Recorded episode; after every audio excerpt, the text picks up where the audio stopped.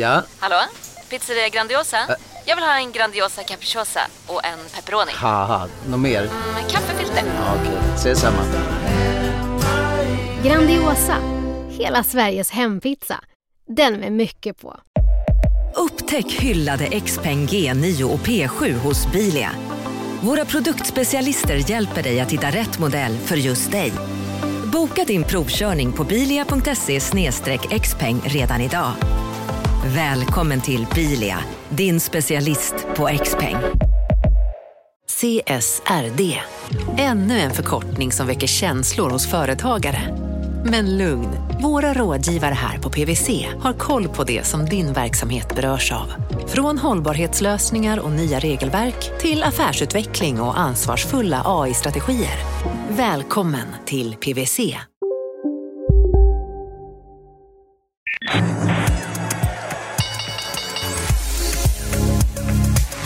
Här är Affärsvärlden Magasin med Helene Rådstein. Hej och hjärtligt välkomna till podden Affärsvärlden Magasin. Jag heter Helene Rothstein och idag så sitter jag här med MAG Interactives vd Daniel Hasselberg. Välkommen hit. Tack så mycket. Ni är ett mobilspelsutvecklings och eh, ni är ganska sådär populära tycker jag på Twitter och sådär. Kan du förstå det? Ja, han är inte helt objektiv kanske. Men, Nej. nej. men jag förstår det. Jag tycker vi är ett spännande bolag. Alltså både att vi har, vi har funnits ganska länge i en bransch som är relativt ny, så vi har varit med nästan sedan den startades. Mm.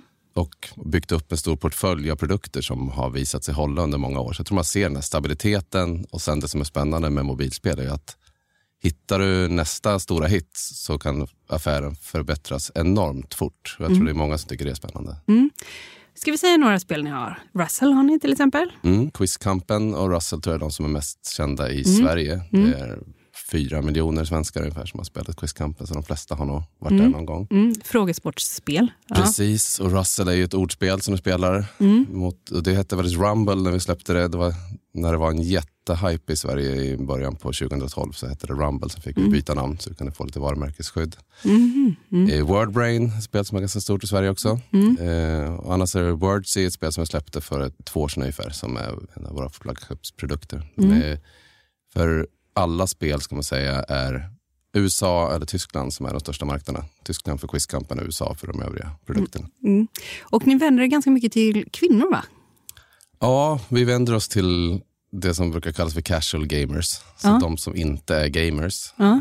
Och de som är e-handelsmogna, som är vana att göra spelköp på mobilen. Ja, man är van att ta fram kreditkortet och köpa saker man vill ha. Så Ja. Det är en stor fördel. Mm. Den korrelationen är stor mellan marknader där folk gör köp i appar och där de är duktiga på att handla på nätet. Mm.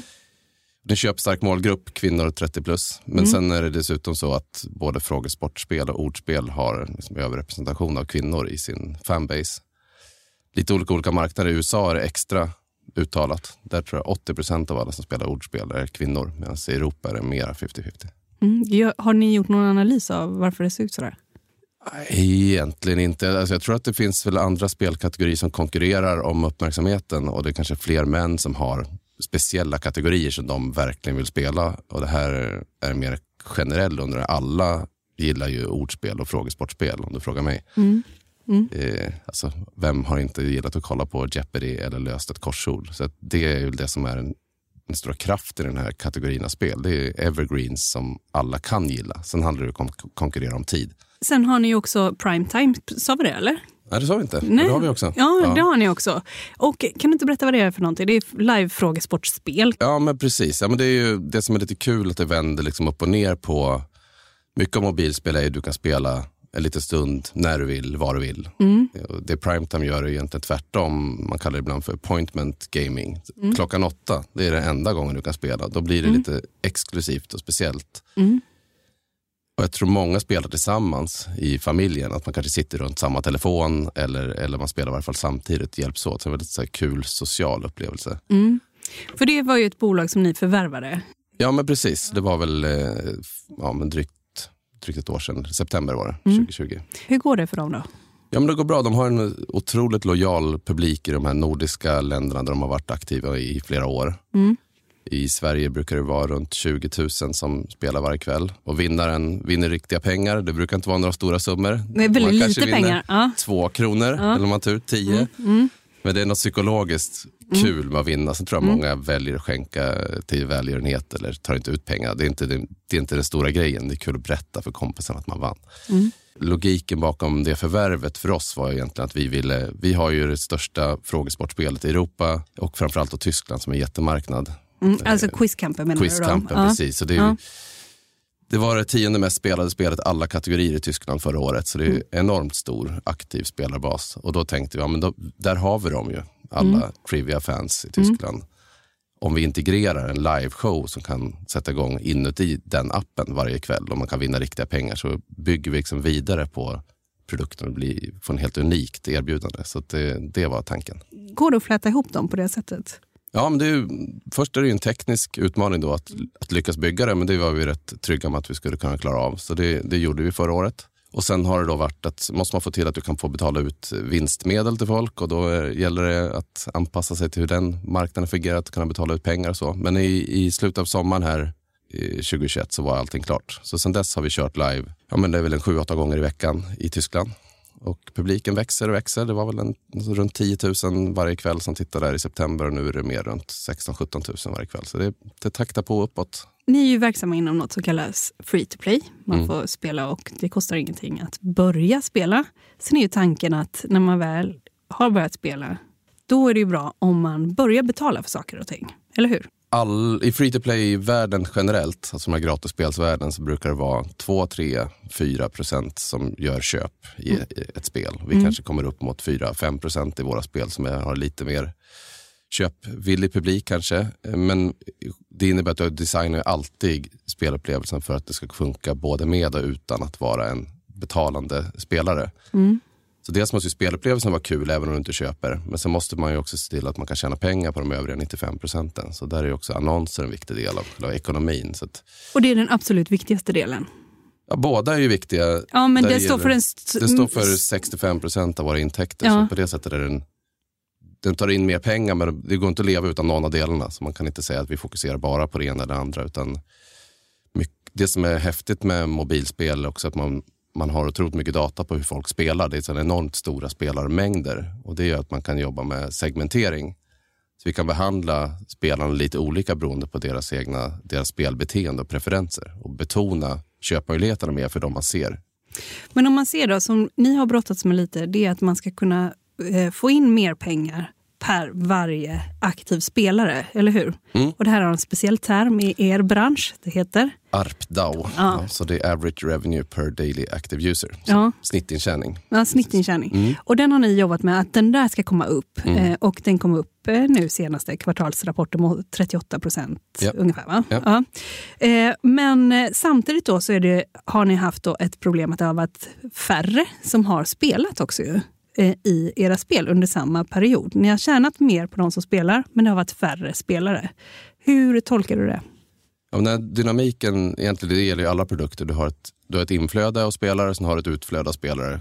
Så ser alltid ut. Man, man har visst körn i alla produkter.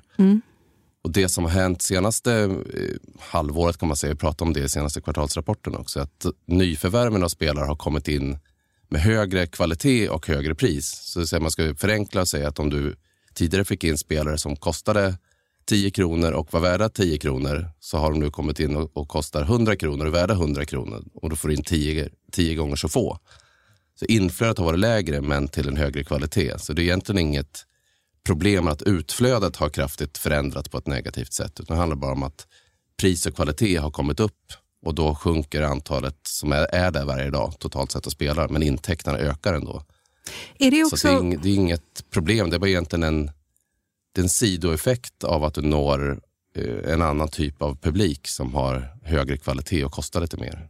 Och när du pratar om högre kvalitet Mm. hos spelarna, vad är det vi pratar om då för någonting? Det är att en högre andel av dem gör köp och de som gör köp spenderar mer pengar. Så att, eh, Är det när- en långsiktig utveckling skulle du säga? Att det gör inget om antalet spelare går ner. Jag tänker också på att majoriteten av intäkterna är då annonsintäkter som ändå borde vara lite kvantitet. va? Ja, det är igen, man måste tänka i liksom det man kallar för kohorter. Så om, du, om du riktar din marknadsföringsinsats mot någonstans 1 januari och, och lägger x antal kronor så gäller det att få tillbaka mer än x antal kronor. Då går det med vinst. Mm. Och då, om du betalar mycket för dem och de spenderar mycket, då är det en bra affär och annars är det inte det. Mm. Och sen vilken totalt antal spelare du har any given day, det är ju inte alls viktigt egentligen. Utan det viktiga är att marknadsföringen är, driver vinster. Mm. Så det- eh, För att förstå det här med annonser då, så är det ju så här, du sitter och spelar på ett spel. För det är ju vissa som har spelat på era spel och vissa har ju inte gjort det. Och då sitter du och spelar på ett spel och så får du en annons många gånger om ett annat spel. Mm. Hur tänker ni där? Ja, det är så det här ekosystemet fungerar egentligen. Att hela, det är otroligt automatiserat allting. Så alla mobilspel och mobilappar generellt, jag ska säga alla tjänster på nätet överhuvudtaget, har ju ofta annonsutrymme. Och så säljer man det i realtid till högst bjudande.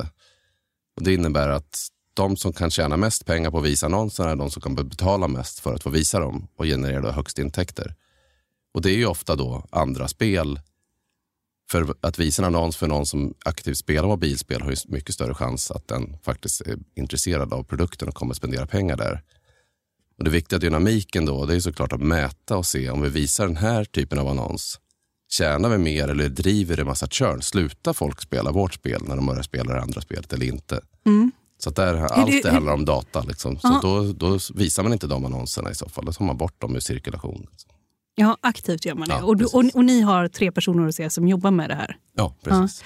Eh, och ni i er tur då, ni är också ute och annonserar Mm. på andra spel.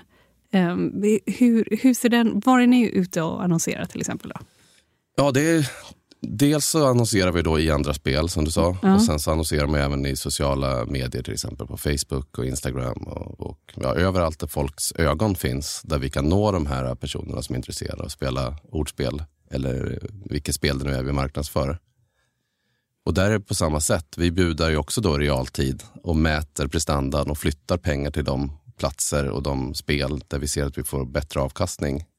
Så allt är väldigt, väldigt analytiskt och datadrivet. Så vi, det är inte så viktigt för oss om vi visar annonsen på TikTok, Facebook eller i Candy Crush. Bara det ger avkastning. Du lyssnar på Affärsvärlden Magasin med Helene Rådstein. Marknaden sponsras av SPP, pensionsbolaget. Eh, förra gången pratade vi lite om ITP. Och som en kort repetition så, så var det ju 70-tal, arbetsmarknadens parter bestämde att alla tjänstemän ska ha en tjänstepension. Man kom överens om vilka villkor som ska gälla i den här pensionen och så kallade man den för ITP. Så jobbar man idag som tjänsteman i ett företag med kollektivavtal, då har man förmodligen den här pensionen, ITP-pensionen. Eh, och det är ju så att man kan påverka eh, den här pensionen, hur den är placerad. Vart femte år så gör nämligen Collectum, som de heter, en enorm upphandling där olika pensionsbolag kan ansöka om att få förvalta eh, de här pensionerna. Och SPP är ett av bolagen som valdes ut i den senaste upphandlingen. Och sen kan du som pensionssparare välja eh, vilket av de här olika pensionsbolagen som, som då ska få ta hand om dina pengar. Och tanken med den här upphandlingen det är ju att liksom kvalitetssäkra de här olika alternativen eh, men också att förhandla fram stora rabatter så att pensionsspararna ska få ja, kunna spara pengar genom att avgifterna eh, som är så viktiga eh, blir eh, lägre. Och vill man välja någonting i ITP-systemet då finns det en relativt ny sajt som heter avtalat.se. Ehm, där kan man gå in och se hur sin ITP-pension är placerad. Jag gjorde det häromdagen faktiskt. Ehm, idén är att hälften av pengarna alltid ligger i något som kallas för traditionell försäkring. Det här gjorde vi ett avsnitt om i podden Kapitalet nyligen eh, som vi kallade världens bästa sparform. kan man lyssna på om man är intresserad. Eh, den andra halvan eh, den kan man också lägga i en traditionell försäkring eller så kan man placera det i något som kallas för fondförsäkring. Eh, SPP som sagt eh, var ju ett av de fåtal bolagen som valdes ut i den senaste upphandlingen och de finns med som alternativ både med en traditionell försäkring och med eh, fonder. Så det var en liten bakgrund till ITP-systemet. Vill man läsa mer om det här eller typ kolla hur ITP-pensionen är placerad, eh, kanske göra förändringar, då går man in på avtalat.se. Eh, Men tack säger jag till SPP som vill göra oss människor mer medvetna om hur enormt viktig pensionen är för oss som en framtida lön, men också som en positiv kraft i samhället eh, och förstås för att ni möjliggör eh, den här podden Marknaden. Och vilka är ni då som jobbar på MAG Interactive. Ni är ett gäng grundare som har hållit ihop ganska länge, eller hur? Mm, mm. Eh, och också genom äh, tidigare bolag. Kan du inte berätta lite om din bakgrund? Ja, ja men vi, eh, min teknikchef Kai Nygren och jag vi Mm. träffades på forskningslabb på Ericsson på 90-talet. Mm. Och sen har vi kamperat ihop, startat flera bolag. Så att, sen 99 har vi eh, varit bolagsbyggare tillsammans. Eh, det första var en spin-out spin från, från Ericsson. Eh, och sen startade vi ett bolag i musikindustrin 2003. Och sen, Som inte blev Spotify. det blev inte Spotify. Nej. Precis. Vi, vi jobbade, byggde liksom white label-lösningar. Så att MTV, Aftonbladet och TV4 och alla möjliga som hade stor webb-community kunde sälja musik till sina kunder via vår plattform. Men allting var ladda ner först, lyssna sen och inte med streaming. Skivbolagen var inte så pigga på att ge streamingrättigheter. Det var de ju inte till Spotify heller. Men de gjorde ju det ändå. De fick det funka och sen vann de musikkriget med en fantastiskt bra produkt. Men eh, ja, 2010 gick vi vidare och, och satsade på mobilspel istället. Det andra bolaget som ni startade då? Det första 99 hette Connect Things. Ja, Mm. mm. Och sen så hette det andra också MAG. Ja. Ja, och sen kom Mag Interactive. Ja, okej. Eh, när du förresten satt där och eh, ni hade jobbat med detta och sen blev du varse då Spotify eh, ganska tidigt antar jag, eftersom du var inne i musikindustrin. Då. Mm. Vad tänkte du eh, när de kom och du såg dem? Tänkte du eh, vi, nu är vi körda? Eller vad tänkte du? Ja, det man tänkte var ju vi måste förändra hu- hur, hur vi jobbar om vi ska ha en chans mot det här. Jag, jag var betatestare på Spotify via någon kompis som jobbar där och det var som alla, första gången man använde det tappar man i hakan. Mm. Mm. Ja, det var helt fantastiskt. Det, det vi kände då att det enda chansen om man ska kunna samexistera med dem, det är att man måste göra någonting åt det hållet. Det måste vara streaming, det måste vara blixtsnabba sökningar och så. Men sen sitter man inte 100% i förarsätet när man gör, man bygger lösningar åt andra och det sitter även skivbolag som måste godkänna eh, olika typer av licenser och så vidare. På, av olika anledningar så kom vi liksom aldrig dit. Eh, Vad hände då? Telia var en av de stora kunderna till, till oss på den tiden. De Ja. hade något som hette Telia Music Player. Där Ja. man kunde betala Ja. 99 spänn i månaden för obegränsad musik. Mm. Så Erbjudandet känns igen. Ja, det känns igen. Ja. Eh, Mm. Men de, de valde att teama upp med Spotify och eh, bandla det med telefonabonnemang och sådär. Mm. Eh, Och, ja, men sen, sen så gick det ut för så det, det vi gjorde då var egentligen bestämma oss för att ta vi startade ett dotterbolag till det bolag som, som hade byggt de här musiktjänsterna och det blev Mag Interactive. Och vi hade liksom redan börjat 2008 tror jag var och gjorde lite små appar för iPod touch, de här första som kom innan iPhone. Och så fort App Store kom ut liksom, så var vi och testade och gjorde lite olika små pusselspel och allt Och pusselspel, det är alltså inte pussel utan det är ungefär som Tetris. Det kan vara te- Ja. precis olika typer av fysikpussel eller Ja. memory eller vad det nu kan vara för någonting. Mm, mm. Men det var som var häftigt då var ju så fort du släppte en, en ny app så hamnade du på framsidan på App Store över hela världen. Det fanns ju nästan inga appar. Mm. Så det var väldigt lätt att få lite, lite nedladdningar och tjäna lite pengar. Och jag tror det är det som väckte nyfikenheten. Att här har vi något som vi kan, eh, ja, vi, vi borde gå på. Vad lärde du dig av era första, dina första två bolag? För du är ju då serieentreprenör och ni är ju ett gäng då, grundare. Alla grundare totalt äger väl 40 procent tror jag, Mag Mm. Ja, Interactive. Mm. fortfarande. Eh, och du och eh, Kai, Mm. till exempel, ni har hängt ihop jättelänge. Vad har du lärt dig av de här första två bolagsresorna? Ja, men jag tror det första resan så var ju då eh, Ericsson och sen var det ett riskkapitalbolag. De två tillsammans ägde mer än halva bolaget direkt när vi satte upp det. Eh, då tappade Ni hade inga pengar heller? Vi hade inga pengar nej, utan Nej. vi, vi fick starta det där runt att vi var ett gäng från det här labbet som, som hoppade av och startade bolaget. Mm. Så det var väl rimligt att, att eh, de fick stora ägarandelar. Men det som händer då är att det är väldigt svårt att ha en egen vision för var du ska någonstans när det direkt är någon annan som, som sitter i förarsätet. Mm. Vi blev också sålda väldigt snabbt. Jag tror det tog 15 månader från att vi startade bolaget till att vi blev uppköpta. Eh, och eh, det bolag som köpte upp oss var ett amerikanskt bolag med eh, väldigt, väldigt mycket pengar i ryggen. Goldman Sachs var med, Motorola. De, jag tror de stoppade in 72 miljoner dollar i kassan och började bygga. Alltså, anställde otroligt mycket folk. Och det blev väldigt politiskt, hela den här organisationen. Och det tror jag har varit en viktig del som vi har tagit med oss i våra framtida bolagsbygganden. Hur bygger man en organisation där folk är drivna av att skapa värde, inte att göra det chefen har bestämt eller uppfylla några konstiga incitament som, som inte linar med alla organisationer och så, utan värdeskapande. Så det är någonting som jag verkligen brinner för, att bygga sunda organisationer. För då tappar ni kontrollen och ni fick faktiskt inte heller några pengar. Nej, precis. Det hände nog en del bolag runt 0001 där man blir köpta. Privata bolag som blir köpta av andra privata bolag och betalda med aktier. Mm. Och med väldigt speciella preferensvillkor som andra sitter på i sina aktier. Så efter ett par år blev det tydligt att det där kommer inte bli någonting för oss. Så det var en ganska sur lärdom. Men kände du dig att du blev, liksom efterhand, att du blev lurad? Eller ni? Nej, jag tror... Eller det bara blev så? Eller vad? Jag tror det är mer naivitet. Du är liksom mm. 20-årsåldern och startar ett bolag. Ja. De flesta har inte så bra koll då. Nej. Så jag skulle, det är att ta i sig att man har blivit lurad. Men däremot så tror jag inte vi förstod riktigt liksom, hur, hur allt det här hängde ihop förrän, förrän eh, efteråt. Mm.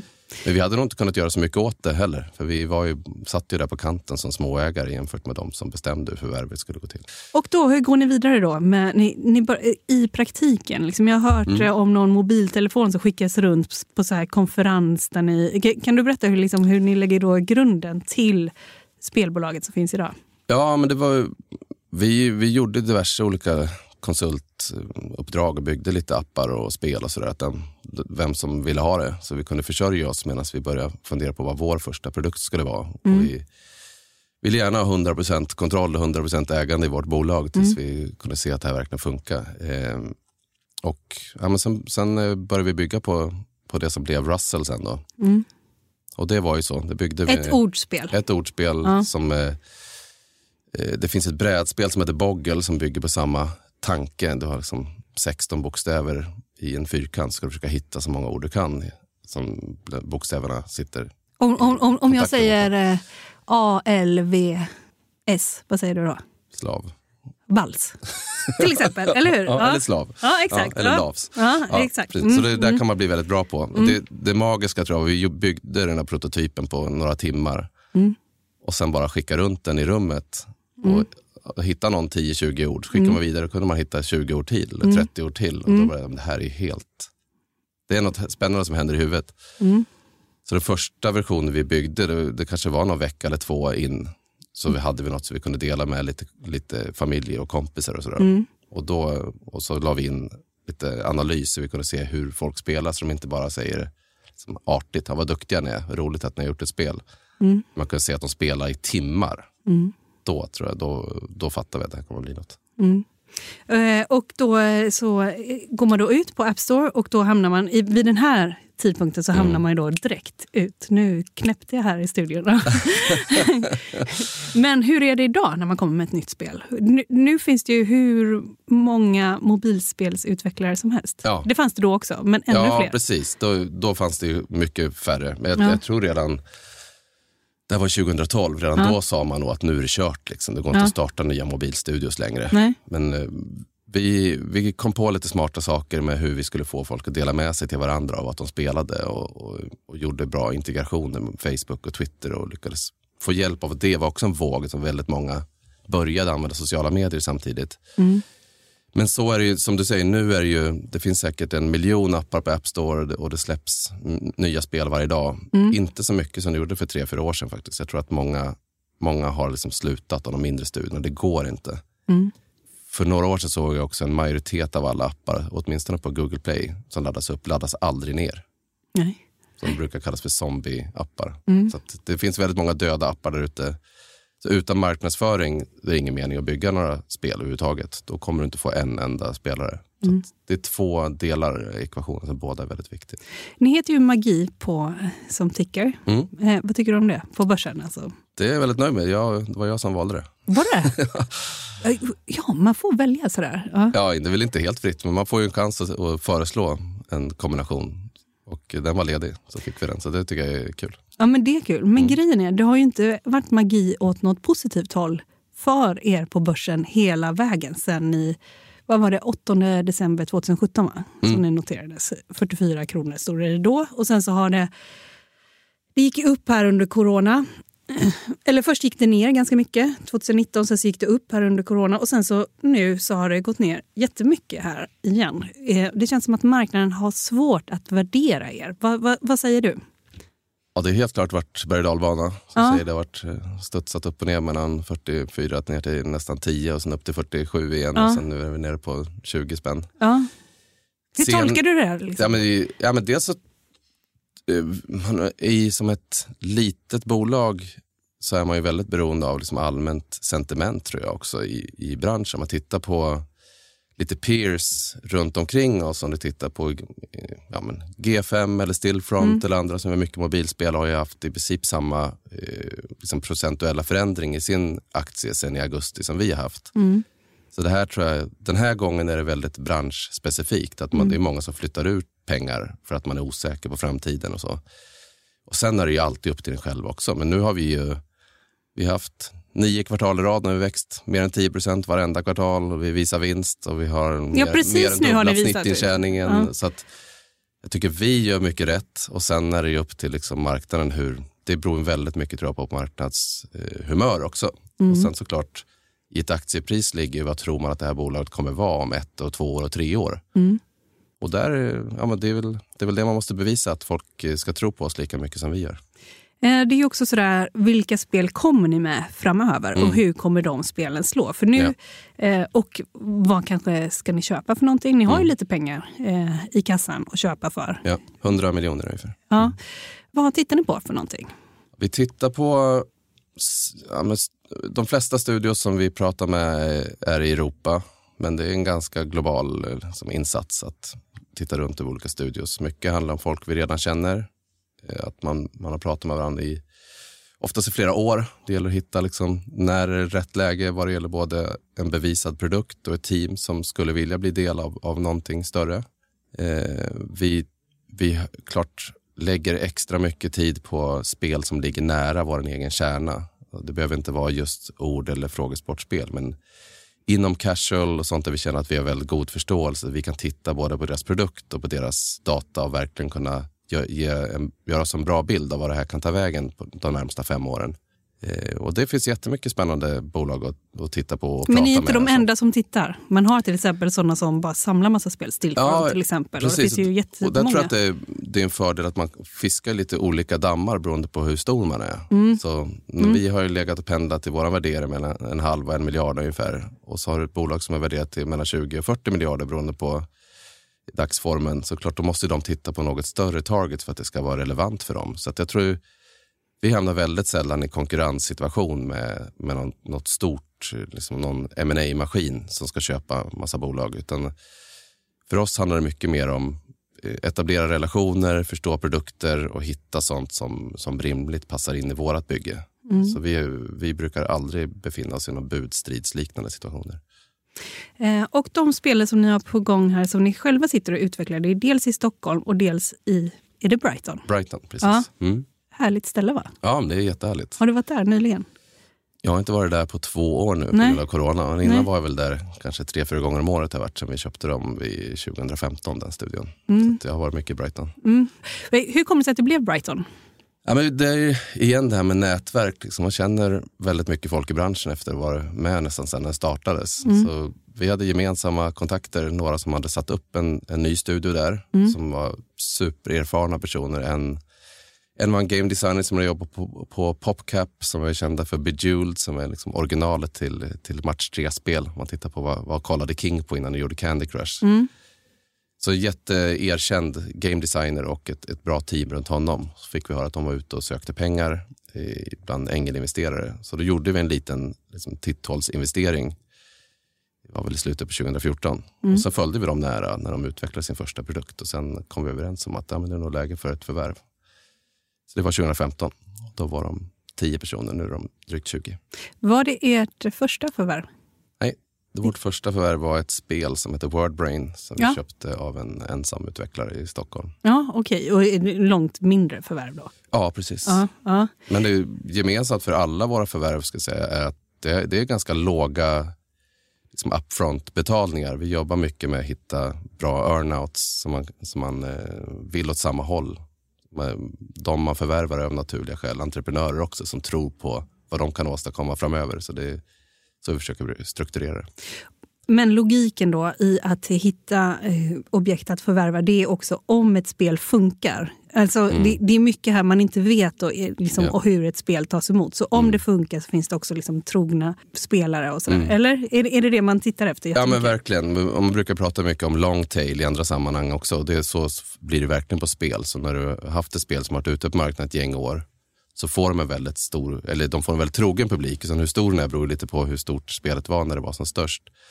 Men framförallt har du, har du haft några hundratusen eller några miljoner som har spelat spelet så finns det väldigt mycket data som visar exakt hur bra är den här produkten. Mm. Och då kan vi plocka in det i våra system och titta och räkna på det och förstå hur mycket vi tycker det är värt och vad vi tror att vi kan göra med produkten givet våra redskap och pengar och, och kunskaper. Och så.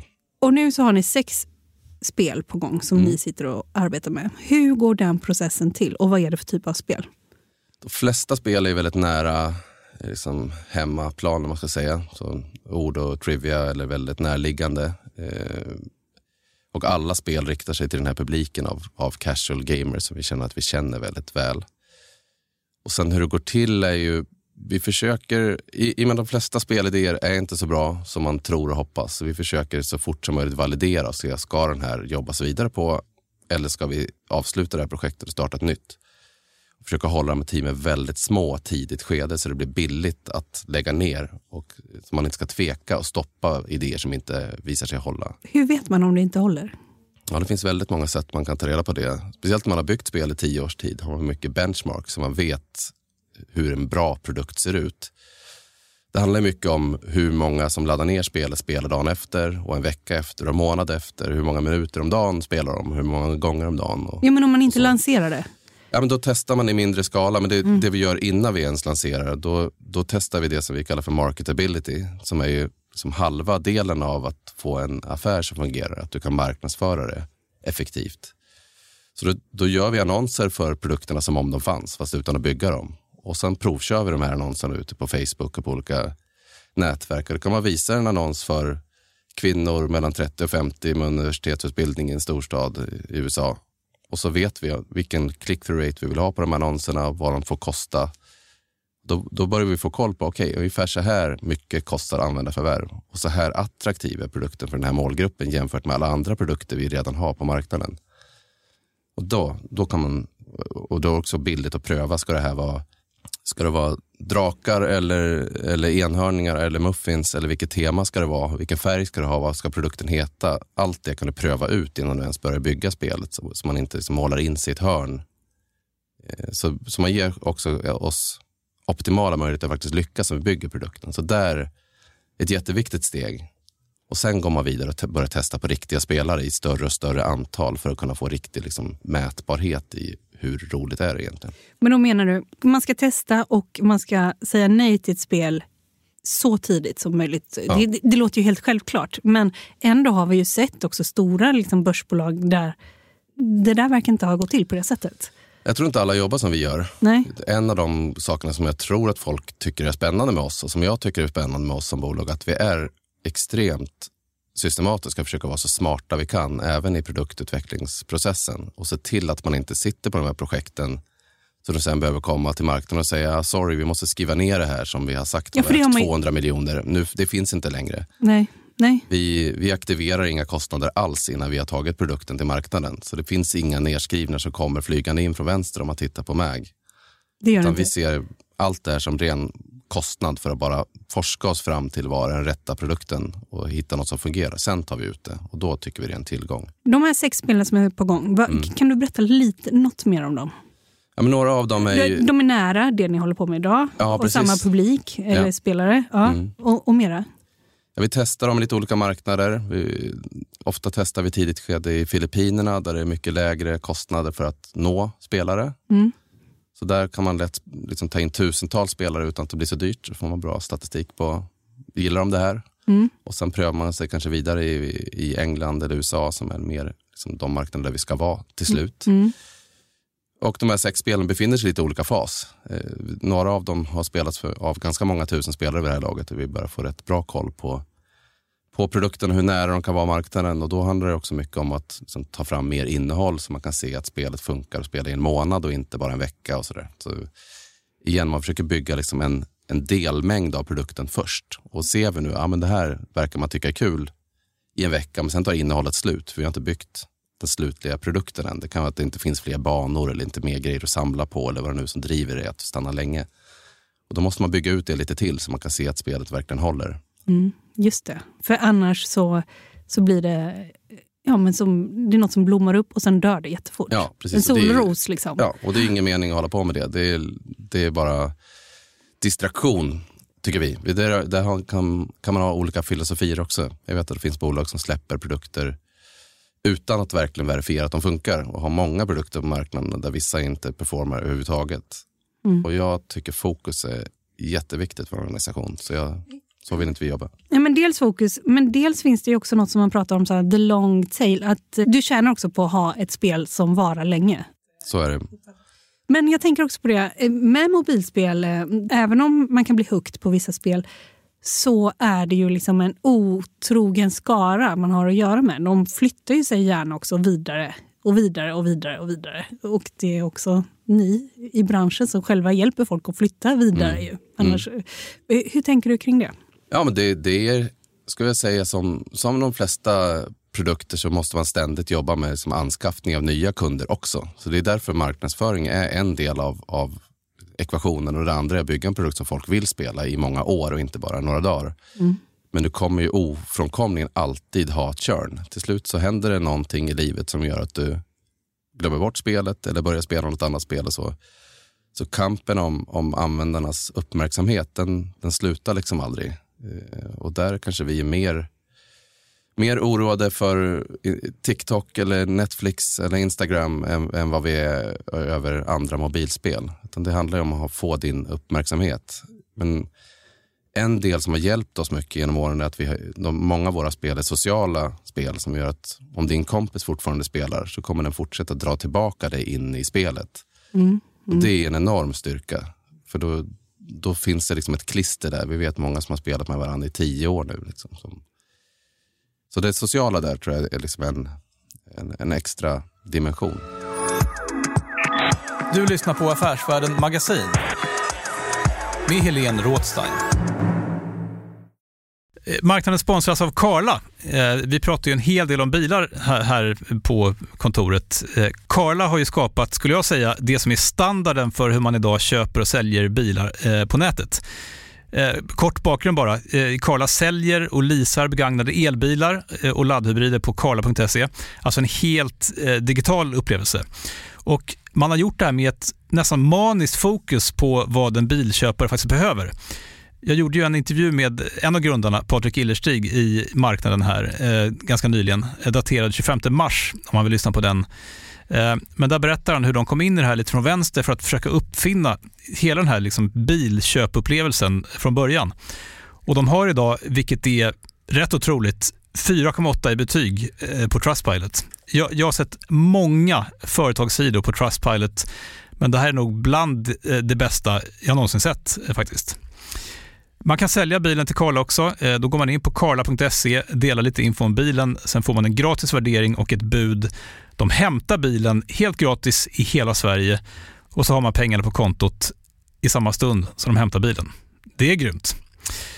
Eh, så ska du köpa en ny bil eller sälja din gamla, eller båda delar för den delen, gå in på karla.se och eh, kolla. Alltså karla.se och Karla stavas med C. Tack så mycket till Karla. Mobilbranschen i allmänhet, men också liksom ni i synnerhet. Ni trycker mycket på hur datadrivna ni är. Mm. Och särskilt då när det gäller att spendera pengar på användarförvärv, så här user acquisition. Där många menar att de har så avancerade modeller som ska se till att de får pengarna tillbaka och liksom ofta inom 6 till 9 månader. Men ändå så verkar det väldigt svårt att tjäna pengar på mobilspel. Och liksom, ni har ju ganska nyligen, efter flera år på börsen, börjat vända till svarta siffror. Varför är det så svårt att tjäna pengar på mobilspel? Det är inte så svårt att tjäna pengar på mobilspel. Men varför tjänar ni inte mer då? Eller ja, snabbare? Det handlar ju om, liksom, vill du bygga optimera vad vinsterna är idag eller vill du bygga någonting som kan bli dubbelt så stort eller tio gånger så stort nästa år? Så Det är den liksom ständiga frågan hur mycket vill du investera i infrastruktur och nya produkter versus att bara kamma hem vinsten. Mm. Vi har ju ett mått som heter contribution som vi visar i våra rapporter som visar hur mycket pengar finns kvar när du har betalt plattformsavgifter till Apple och Google och betalt för marknadsföring. Mm. Och det var ju 47 miljoner förra kvartalet. Så man kan ju säga att 47 miljoner i överskott på ett kvartal, det är rätt mycket pengar.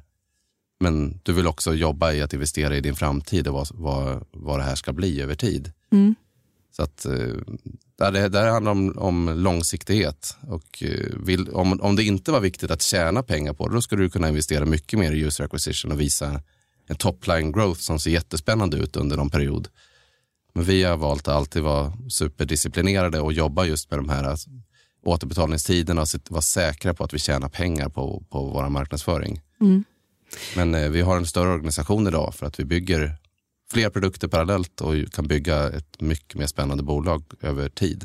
Mm. Om man jämför med för, för tre, fyra år sedan hade vi mindre organisation. Ni, ni snor personal. Nej, men, ni tog ju en från Rovio va? Eh, som ska hjälpa till att tjäna pengar. Man ska tjäna mer pengar på de som är inne i spelen, eller Mm, hur? mm. Ja. Hur ser... Eh, liksom, ni är ju bara er personal. Mm. Hur ser det ekosystemet ut? Man tar, man tar personal av varandra eller i Stockholm, eller hur funkar det? Ja men så är det ju. Stockholm är ju otroligt intressant plats att flytta till tror jag för, för kreativa personer från hela världen. Där man både har MAG men också King och Dice och Rovio och Spotify och massa häftiga bolag. Mm. Så det tror jag är bra för, för hela ekosystemet Stockholm att det Mm. är så. Och där, ja, men, titta senaste åren har vi varit på den vinnande sidan. Där jag tror att om man tittar på, på superfina bolag som både Rovio och King få, kan ändå få vissa problem på grund av sin storlek i organisation och även storlek i kommersiell framgång. Det är inte så lätt att bygga ett spel som blir så bra att det är värt att släppa om du tittar på ett bolag som King till exempel. Du menar, ja, man har, Du ett, har- ett Candy Crush? Ja, som, som Now drar what? in liksom många, många miljarder varje år. Mm. Och sen ska du släppa ett nytt spel som ska spela roll överhuvudtaget. Mm. Ribban hamnar högt. Mm. Och det gör att det är många som kan jobba där i år efter år efter år. De får aldrig jobba på en produkt som blir släppt. Mm. Och det de gör känns mindre och mindre viktigt. Och där tror jag att många ser oss som det här spännande stället där King var för kanske 8-10 år sedan. Där man bara var ett hundratal personer, alla vet vilka alla är och det man gör spelar väldigt stor roll. Hur, hur många är ni nu? Vi är 110 ungefär. Ja, det är ju ganska många. Ja, jag tycker det är stort, Ja, men ja. om du jobbar på ett bolag med 2000 personer som ägs av Activision som sen kanske ägs av Microsoft, då känns det här väldigt litet, familjärt och eh, liksom spännande. Mm. Så vi, vi har haft jättemycket nytta av det. Jag tror att vi är i någon sweet spot. Vi är ett, liksom ett väldigt stabilt och spännande bolag som växer, men vi är inte för stora än. De här sex spelen, när kommer de? Ja, men vi har, vårt mål är att släppa minst ett spel i år. Och i, för vårt år går september till augusti. Mm. Ja, brutet. Att, ja, Ja. precis. Så att, eh, innan augusti så vill vi ha släppt minst ett spel, förhoppningsvis fler. Mm. Och det är den här, vi, vi tycker det är jättespännande med den här pipen av, av nya produkter. Vi har fler spel som, fler personer som jobbar med ny spelsutveckling än vad vi någonsin haft. Så vi är ju väldigt som, framåtlutade som bolag. Och det är ju jättespännande. Jag är ju faktiskt lite målgrupp här. Ni siktar in så här kvinnor mellan 30 till 50. Vi behöver inte gå in på exakt var jag landar i den här målgruppen, men hur som helst. Ehm, en sak som jag tänker på jättemycket nu för tiden, det är ju för det första att liksom inte sitta ner särskilt mycket. Att inte så här slösa bort min tid. Att liksom hålla mig aktiv. Att det jag gör på... Alltså jag förlorar ju kontrollen då och då. Och det är Mm. kanske där ni kommer in. Men att det jag gör på mobilen ska gynna mig och inte Mm. någon annan. Att eh, jag ska lära mig någonting eller att jag själv vill hålla kontakt med någon. Eller sådär. Mm. Att jag inte ska liksom bli vilseledd bort i cyberrymden. Sådär. Kommer vi hålla på så mycket med våra mobiltelefoner framöver? Och liksom, hur tänker folk? Jag tror många, många tänker som du och där passar vi ju bra in. Det ser man ju hur många beskriver varför de gillar våra spel också. Att det här får mig känna mig smart. Jag lär mig saker. Spelar du Quizkampen en timme varje dag kommer du helt klart lära dig nya grejer. Och du gör det ihop med dina vänner. Så det känns både meningsfullt att du har, håller kontakten med, med kanske din syrra eller din, någon kompis och man gör någonting när man tycker är vettigare än att kanske kolla på som ytterligare ett avsnitt på Netflix som bara rullar på och föreslår nästa, nästa, nästa. Mm. Då känns det mycket mer meningsfullt att spela ett spel ihop med dina kompisar och kanske lära dig något. Mm, under, under tiden. Ja, så Är det är, är det- smart underhållning. Ja, är det där ni vill ha smart underhållning via spel? Det är där Mm. ni vill vara. Men också det här faktum att man kommer hålla på så mycket med sin mobil. Man har ju också sett så här, lägg ifrån dig mobilen. Lägg ifrån dig. Den, den trenden finns ju också. Mm. Ish. Alltså, Ja, precis. Det, det finns ett, en eh, medvetenhet Ja. som är större idag tror jag. Där Ja. Apple till exempel har hjälpt till med liksom skärmtid så man kan få lite Ja. koll på det. Det är ju väldigt positivt. Sen om du tittar på den faktiska verkligheten så ökar det där varje år. Jag tror snittet är väl drygt fyra timmar på mobilen nu Mm. i västvärlden. Och det, det verkar inte gå neråt. Eh, och, och sen såklart, mobilen används ju till massa bra saker också. Det finns ju barn som använder den när de gör läxor och allt vad det kan vara för någonting. Men det är klart att det mesta är kanske slöseri med tid och man får fundera på vad skulle man ha gjort med den tiden annars? ja, ja. Eh, men där tror jag varför kan, kan du göra någonting socialt så tycker jag det är mycket mer positivt om det, än om det bara liksom... Ja, men jag, jag ser det här liksom slösurfandet på liksom TikTok, Instagram eller Aftonbladet. tror jag många känner efteråt, liksom, vad hände? Mm. Vad gjorde, vad gjorde det? Mm. Man känner sig nästan bestulen på tiden. Och det, där tror jag inte alls man får det när man liksom gör någonting kul med sina kompisar. Så eh, där tycker jag spel är väldigt positivt. Hur ser du på den här eh, liksom en avvägning mellan då mone- monetarisering och kundnöjdhet? Alltså, jag vet ju att ni fick ganska tung kritik av användarna i spelet Nya Quizkampen för att man monetariserar produkten och ganska hårt med annonser och liknande. Hur tänker du kring den typen av frågor och hur ni ska väga det ena mot andra? Mm. Där igen att man måste vara väldigt datadriven. Det är svårt när man har många miljoner spelare att titta på om du får no några som säger någonting väldigt negativt, antingen i en review på App Store eller skriver någonting i sociala medier. Hur representativa är de för hela spelarbasen? Och det, ju- det går liksom inte att, att ta reda på. Så det man får göra då det är ju igen gå in och titta på datat istället. Så då tittar jag på men hur använder folk produkten? Vad händer? Vi, och vi kör ständigt experiment i spelen för att se vad som händer. Kan Hur du- mycket kan du- reklam tål en spelare? Ja, det är precis så som Aftonbladet eller vem som helst jobbar. Att, okej, vilken nivå är optimal som inte ska driva churn men som maximerar intjäning? Och vi testar experiment där du kör helt reklamfritt till att maximera hur mycket reklam du visar. Och så kan vi se skillnader i användarbeteenden och över lång tid. Spelar folk mindre om tittar sex månader beroende på vad de har för reklammängd och så. Så att allt det här görs i största, största liksom, försiktighet och datadrivenhet för att se till att man inte liksom, eroderar produkten till priset av att tjäna lite mer pengar just idag. Vilket utav era spel tjänar ni mest pengar på idag? Det är Quizkampen som är vårt största spel, både till användarantal och intjäning. Och vilket spel tycker du ni borde liksom tjäna bättre på? Så- Eller som du inte kan förstå? Om man tittar på det, där vi tittar på spel där vi tjänar mycket per användare, och det är de spel där man kanske känner att man har störst potential att kunna skala upp marknadsföring och få ännu större inflöde av nya kunder. Arpdao. Arpta, där har vi Wordsy. Som, Det ligger ju på, på, i snitt globalt på drygt 20 cent, amerikanska cent. Jämfört med snittet i hela vår portfölj som är 5,5 cent. Så det, det visar liksom, det finns i varje fall en 3, 3x där i skillnad mellan snittet och, och liksom best performance. Det finns ju jättemycket att göra över hela vår portfölj. Vissa spel de har helt enorm eh, marginal Mm. och vissa har inte det. ju. Som helhet, vad tycker du att ni liksom bör ligga på? Ja, för hela affären så har vi Ja. som marginal, 20 procents ebit-marginal. Ja. Dit tycker vi att vi ska kunna nå. Ja. Eh, Och det handlar mycket om, om Eh, skala. var- varför inte ännu mera? Alltså, var, varför inte 50? Ja, och det, det där handlar mycket om just user acquisition, att mycket av tillväxt drivs av just användarförvärv. Och där finns det något optimum med, du skulle kunna få enormt snabba payback-tider och jättehöga marginaler, men då kommer du inte vara så konkurrenskraftig i den här realtidsaktionen för att köpa annonsplats. Så det är kanske bättre att ha 20 procents marginal och omsätta 2 miljarder än att ha 40 procents marginal och omsätta 200 miljoner. Så att det, det handlar lite om att maximera den totala vinsten och då tror vi att man kommer landa någonstans där.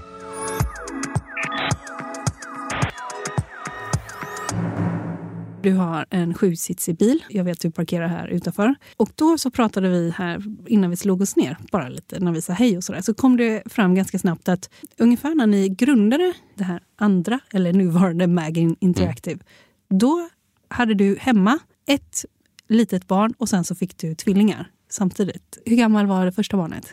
Ja, han var knappt två år. Ja, man grundar ett bolag och ett innovativt bolag också. Och mm. man har tre blöjbarn hemma. Mm. Hur gick det ihop? Jag, jag, tror, folk brukar fråga liksom, hur överlevde du? Och ja. Det är liksom, vad är alternativet? Ja. Man måste klara det. Så då gör man ju det. Du kan ju inte ha sovit nästan någonting. Nej, man sov ju väldigt lite. Man, det var säkert inte det året man var den eh, smartaste versionen av sig själv. Man, blir, man blir inte jätteskarp av att ha sömnbrist Nej. hela tiden. Nej. Och med tvillingar så får man liksom hjälpas åt med matning på nätter och sånt. Så det, det finns ingen som kan sova i ett hus med, med tvillingbebisar. Så är det bara. Eh, men man blir säkert härdad och blir lite mer liksom, produktiv när man väl jobbar och man uppskattar tiden väldigt mycket när man väl börjar få tillbaka den. Så nu är det ingenting som är, som är jobbigt eller utmanande längre. Nej, och vad tror du liksom att du har typ lärt dig av, det, av den där eh, perioden? Ja, men man är väl tacksam att allting gick bra. Att man har, har liksom tre friska härliga barn och ett företag som också mår väldigt bra. Ja, som också liksom rullar på. Mm. Tidigare när vi pratade här om eh, kursen så sa du ja men nu är det flera av våra peers som också har sett den här utvecklingen. och så där. Men ni hade ju faktiskt också innan så gick ni ju ner från 44 till 10 kronor. Alltså innan den här växlingen har skett på mm på börsen och sådär. Om man ska analysera ett bolag som ert bolag, man är liksom inne på mobilspel, free to play. Kan du ge marknaden några, det här ska man titta på liksom väldigt noga, eller vad ni tittar på när ni mm. också ska förvärva eh, bolag. Vad, kan du hjälpa, hjälpa ja. folk? Absolut. Ja, men dels, dels är det alltid intressant att se långsiktiga trender och gör bolaget vad de säger att de ska göra. så. Mm. Vi gick ut för tre år sedan och sa vi ska förbättra den här ARPDAO-siffran. Vi tror att vi underpresterar på snittintjäning. Det ska vi ta tag i. Och sen har vi förbättrat oss kontinuerligt i nästan tre års tid. Det tycker jag man ska gilla. Då verkar det mm. som att man har lite fokus och kan få grejer gjort. Mm. Och var man, ska man ligga på? Och, och, och var ska man ligga där på snittintjäning skulle du säga? Jag tror inte det finns något tak på vad man ska ligga på. Det ska Nej. man ständigt förbättra. Och ja. som, som jag tycker man kan titta på nu då är ju så att modernare produkter som vi har som ligger över 20 cent och snittet ligger på 5,5. Då ser man att okej, okay, det verkar som att de blir bättre och mm. bättre på att göra mm. effektiva spel. Mm. Så det är bra. Mm. Det finns verktyg där ute. De två största heter App Annie och Sensor Tower.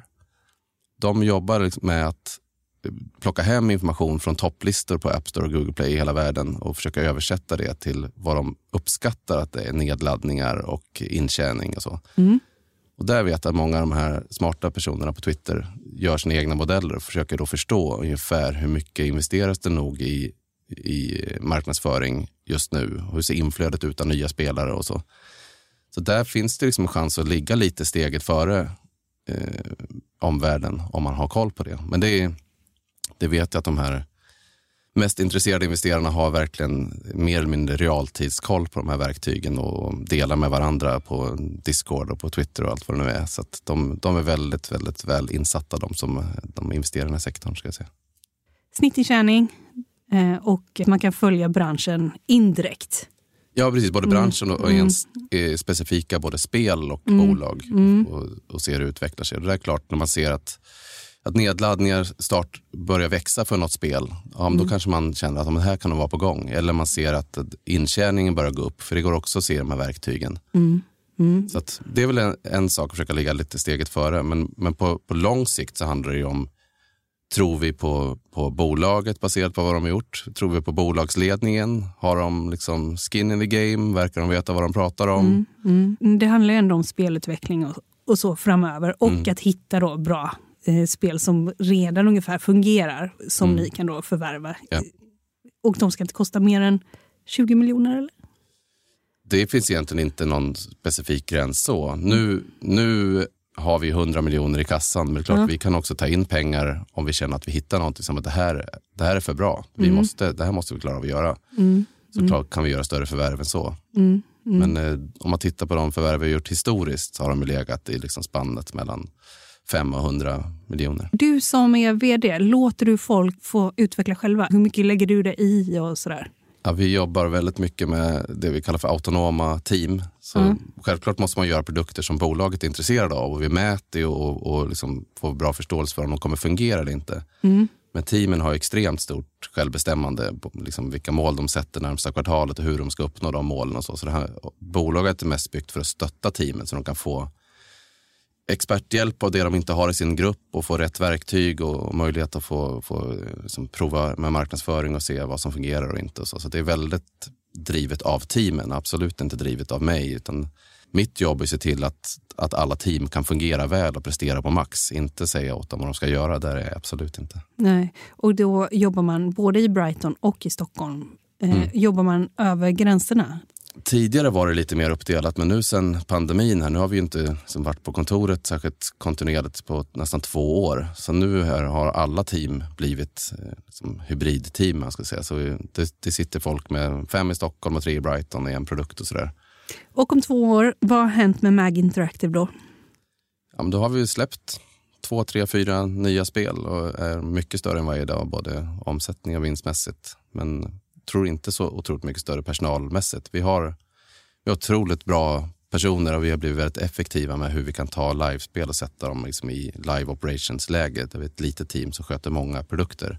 Eh, men, men ett, ett antal spännande spel ute på marknaden som är bättre än allt vi har släppt hittills. Jag säger stort tack till dig Daniel Hasselberg, vd för MAG Interactive. Tack för att du var med i podden Affärsvärlden Magasin. Tack för att du fick komma hit. Du har lyssnat på podden Affärsvärlden Magasin med mig, Helene Rådstein, som idag har intervjuat Daniel Hasselberg som är vd för mobilspelsbolaget MAG Interactive. Mer information och analyser av MAG Interactive det hittar du på affärsvärlden.se. Där finns också nyheter och reportage och allt möjligt. Och den här podden den är tillbaka om en vecka. Håll ut! Hej då!